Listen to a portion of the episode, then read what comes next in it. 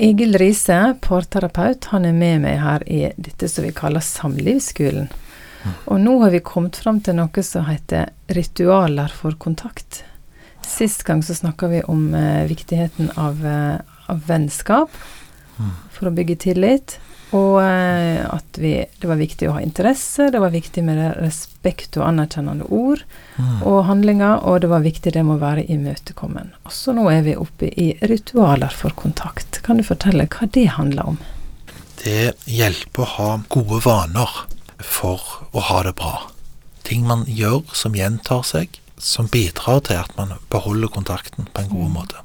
Tillit handler om det man kan regne med i ulike situasjoner.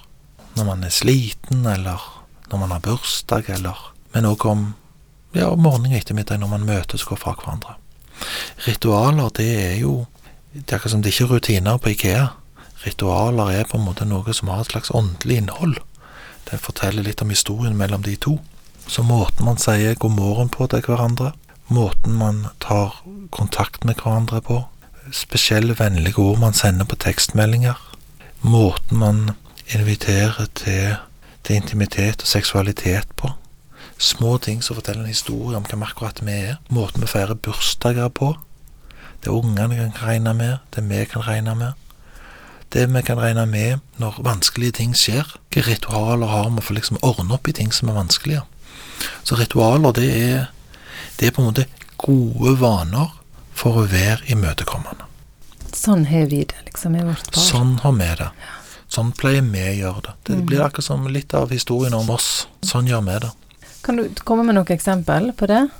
Du snakker om hvordan vi sier god morgen og Ja, for eksempel så er det jo sånn tid møtes man første gangen som par i løpet av et døgn? Er det på morgenen, eller er det på ettermiddagen? Da er det jo kanskje litt viktig i hvilken grad man stiller seg inn på hverandre og gjør så godt, får så godt møte som man kan. Noen har f.eks.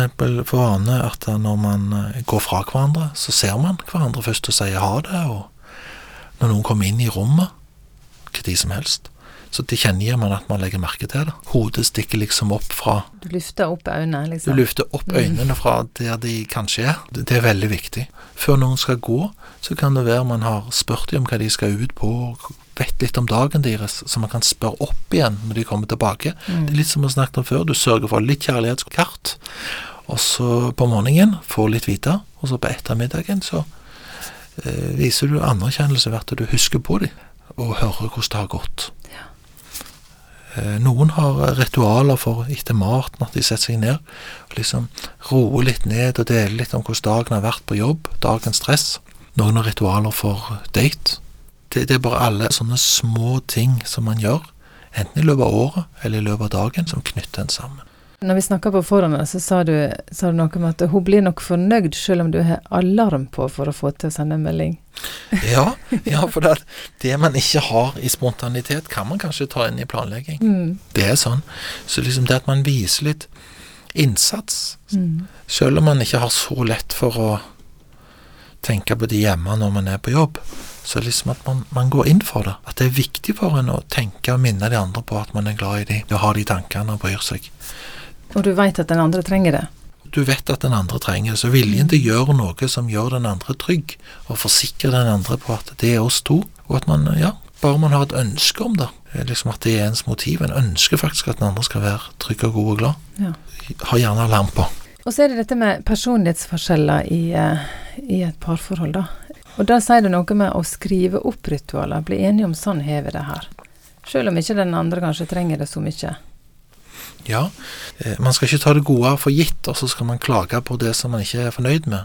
Du vet, mange tenker jo mer på, planlegger jo mer hva hus de skal ha, hvordan de skal ha det der, enn man bruker tid på å planlegge livet. Så det å faktisk eh, skrive opp Du kommer fra ditt hjem, jeg kommer fra mitt hjem. Noe var bra, noe var dårlig, noe vil jeg ha med, noe vil jeg ikke ha med. Så når vi blir enige om hvordan vi skal ha det på den gode måten, så er det klokt å skrive det opp sånn det blir mest mulig tydelig for oss. Hvordan vil vi at morgenen skal være? Vil vi ha måltider sammen? Hvordan vil vi at kvelden skal være? At vi skriver det opp. Og det som anbefales, det er jo at hvis det allikevel ikke blir sånn, så har jo det ofte litt sammenheng med hva man har med i bagasjen, og da kan det være lurt å snakke om det. Eh, Liksom hvorfor det ikke skjedde, og hva historier man har med den type ritualer i livet sitt, og hva man støter på. Ritualer er viktige fordi at hvis alt er opp til liksom dagsformen, føler jeg for å si god morgen eller gi en klem i dag, så, så blir det jo mye tyngre enn hvis det er sånn at det er sånn vi har det.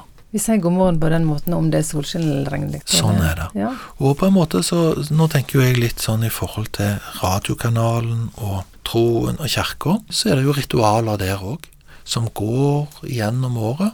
Uavhengig av hva man måtte føle, eller hva slags livssituasjon man måtte være i, Mm. så er det liksom en rytme i de tingene man er innom, som holder alt og livet sammen. Det er bra at det er sånn i parforhold òg.